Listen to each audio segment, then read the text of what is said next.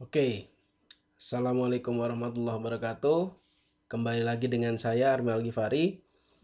Kali ini, nah, setelah sekian lama ya kita tidak berjumpa lewat audio seperti dulu kala, ya satu tahun lebih mungkin. Sekarang saya coba lagi untuk membangun traksi. Saya coba lagi untuk ya sharing lagi lah tentang beberapa pemikiran yang muncul akhir-akhir ini. Jadi topiknya kali ini adalah sebuah topik yang cukup sederhana, namanya first principle atau prinsip pertama. Prinsip pertama ini adalah sebuah prinsip yang terkenalnya itu gara-gara Elon Musk. Walaupun saya tahunya pertama kali bukan dari Elon Musk. Tahunya itu pertama kali kalau saya nggak salah ingat dari bukunya Daniel Kahneman yang Fast and Slow Thinking ya fast and slow thinking. Nah, tentang apa sih sebenarnya first principle?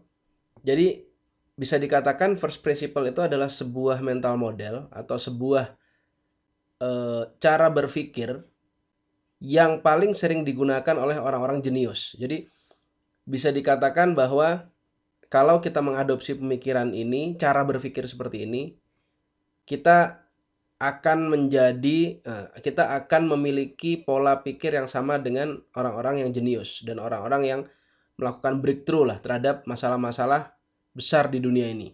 Tidak perlu punya IQ yang IQ yang cukup tinggi, nggak perlu misalnya sampai 170, 180. Cukup yang biasa aja asal Anda e, menerapkan ini dengan benar maka sebagian besar permasalahan Anda bisa teratasi. Nah, ini dikatakan prinsip pertama atau first principle. Nah, ada tiga tahap dalam melakukan first principle. Dalam menerapkan first principle. Ini sebuah metode ya, ingat sebuah metode untuk menyelesaikan sebuah masalah. Sebuah metode untuk menjawab masalah-masalah yang ada di sekeliling Anda. Cara berpikirnya ada tiga tahap. Yang pertama adalah uh, identifikasi dulu. Mengidentifikasi dan mendefinisikan masalah yang sedang Anda hadapi. Misal, anda lihat masalahnya misalkan contohnya ya Anda beriklan terus kemudian iklannya boncos. Ini yang paling terkenal di anak-anak IM mungkin. Nanti saya akan kasih tahu bahwa uh, saya sudah menerapkan first principle ini uh, jauh sebelum saya memulai kelas konversi. Anda nanti bisa jadi oh ternyata masalahnya pakai ini. Ya saya pakai ini ya. Identifikasi dan definisikan masalah uh, sekarang yaitu misalkan iklan kita boncos Kenapa iklan kita boncos? Identifikasi sudah jelas nih. Masalahnya sudah jelas. Iklan saya, definisi masalahnya iklan boncos itu adalah, definisi boncosnya apa nih? Definisi boncosnya adalah, saya ngiklan 100 ribu, tapi baliknya nggak 100 ribu bersihnya. Jadi saya ngiklan 1 juta misalkan, ternyata bersihnya saya dapat cuma 300 ribu setelah dikurangi ini dan itu. Itu ingat ya. Jadi definisi boncosnya kita perjelas. Nggak bisa kita cuma ngomong boncos. Tapi ketika kita beri iklan 1 juta, baliknya, bersihnya itu tinggal hanya 300 ribu. Jadi tidak bisa menutup biaya iklannya. Itu definisi boncosnya. Oke, sekarang kenapa bisa terjadi seperti itu? Nah, masuklah kita ke tahap yang kedua, yaitu kita melakukan breakdown. Breakdown ini dilakukan sampai ke titik fundamental yang tidak bisa di breakdown lagi kira-kira. Yang kayaknya ini udah mentok nih. Nah, contoh ya tadi iklan boncos iklan saya boncos nih. Kenapa ya? Oke, beberapa asumsi, eh, beberapa apa namanya variabel-variabel, beberapa hal-hal penyebab kemungkinan-kemungkinan kita coba list. Yang pertama mungkin masalahnya adalah yang paling sederhana eh, salah menentukan harga jual, misalkan yang paling sederhana. Jadi Anda tidak bisa berhitung kondisi di dalam toko sehingga Anda salah menentukan harga jual. Oke, salah menentukan harga jual. Bisa jadi nih penyebab keboncosan. Kenapa bisa salah menentukan harga jual? Karena tidak tahu seberapa besar value dari barang tersebut. Itu yang pertama pilihannya. Pilihan yang kedua mungkin karena berusaha untuk overprice atau berusaha untuk menaikkan sebesar-besarnya tanpa menambah value dari barangnya. Misalkan harganya 10.000, wah saya harus jual ini 300 ribu ya itu agak sulit ya jadi bisa jadi anda salah menentukan harga jual nanti Bisa jadi yang ketiga Anda tidak tahu sebenarnya barang tersebut itu dijualnya dengan cara seperti apa. Sehingga Anda salah menentukan harga jual. Kalau misalkan dijualnya lewat channel-channel misalkan bazar-bazar atau pasar malam, nah maka harganya kalau Anda taruh harganya misalkan harga 10.000 Anda jual di harga 300.000, ya nggak cocok, itu sudah terlalu tinggi marginnya dan selalu sudah sudah kelewat kelewat apa uh, sudah terlalu overpriced gitu terhadap harga dibandingkan dengan value-nya. Kalau Anda jual di pasar malam mungkin Anda ambil untung cuman 5000 atau kalau barang harga 10000 ya bisa jadi Anda cuma ngambil 2000. Nah, gimana bisa untung? Berarti Anda harus bermain volume. Anda harus bisa bermain volume. Itu contohnya ya.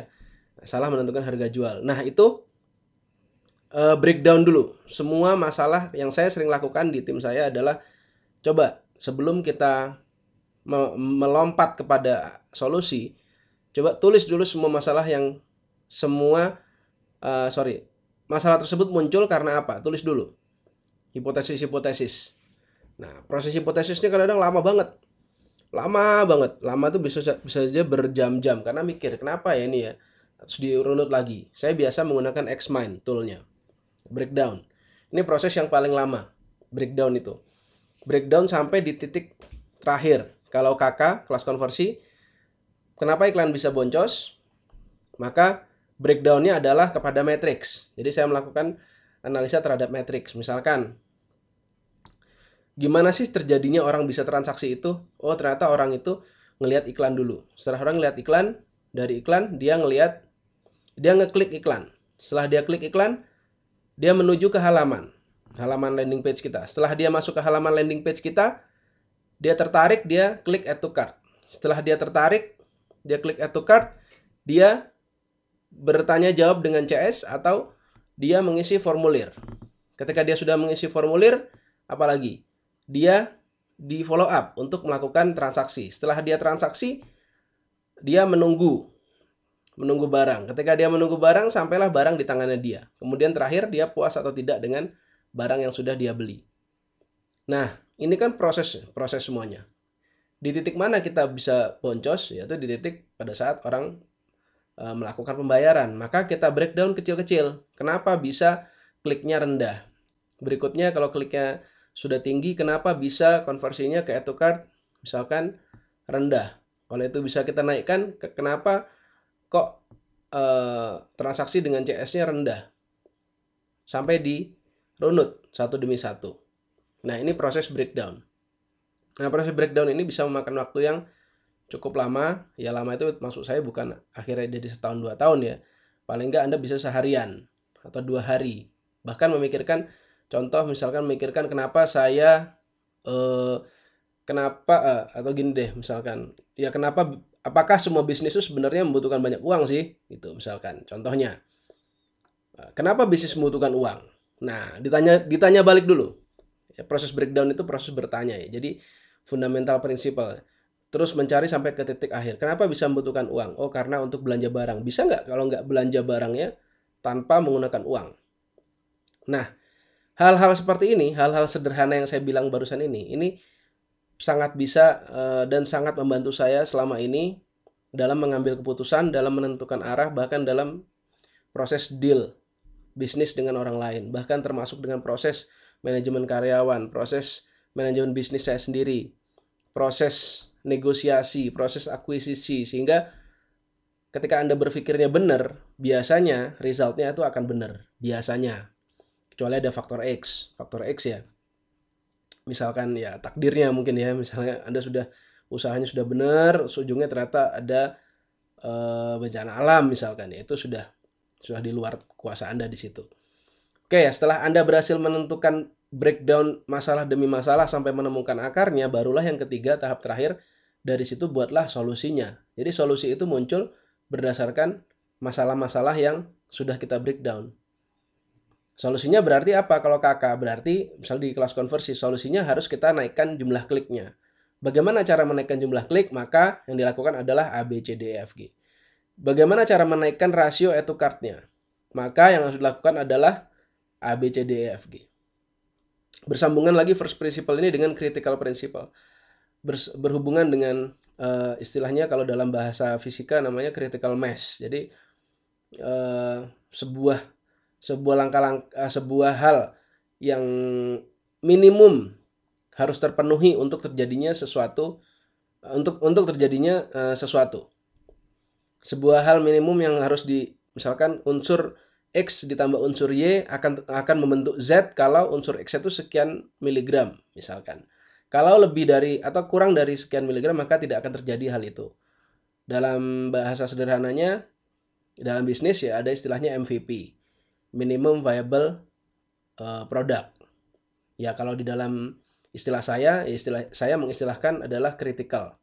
Critical critical principle. Jadi hal-hal kritis di dalamnya itu apa sih untuk terjadi misalkan kliknya naik. Hal-hal kritisnya apa aja di sana.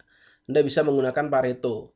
Oh, prinsip Pareto diterapkan untuk mencari solusi. Jadi solusi-solusi biasanya tadi ya saya bilang di critical, kemudian untuk mencari solusi bisa menggunakan Pareto, banyak sekali.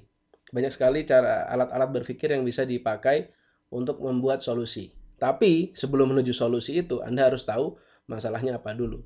Sebelum Anda tahu masalahnya apa dulu ya, Anda harus tahu definisi masalah Anda itu, masalah yang muncul yang sedang Anda hadapi itu apa. Sehingga first principle ini bisa membantu Anda dalam menyelesaikan banyak sekali masalah-masalah dalam hidup. Yang paling sering yang saya lihat, yang paling sering kelihatan itu adalah misalnya, Mas saya punya masalah. Masalah saya adalah gaji saya kecil, tidak mampu membiayai rumah tangga. Berapa kecil? 7 juta misalkan atau 5 juta. Wow, bagi sebagian orang mungkin sudah besar ya. 7 juta, 8 juta. Oke, anggaplah 5 juta. Oke, gajimu 5 juta tidak cukup untuk membiayai rumah tangga. Itu bukan gaji terlalu kecil, tapi gaji 5 juta tidak cukup untuk membiayai rumah tangga. Berarti kira-kira ada dua nih.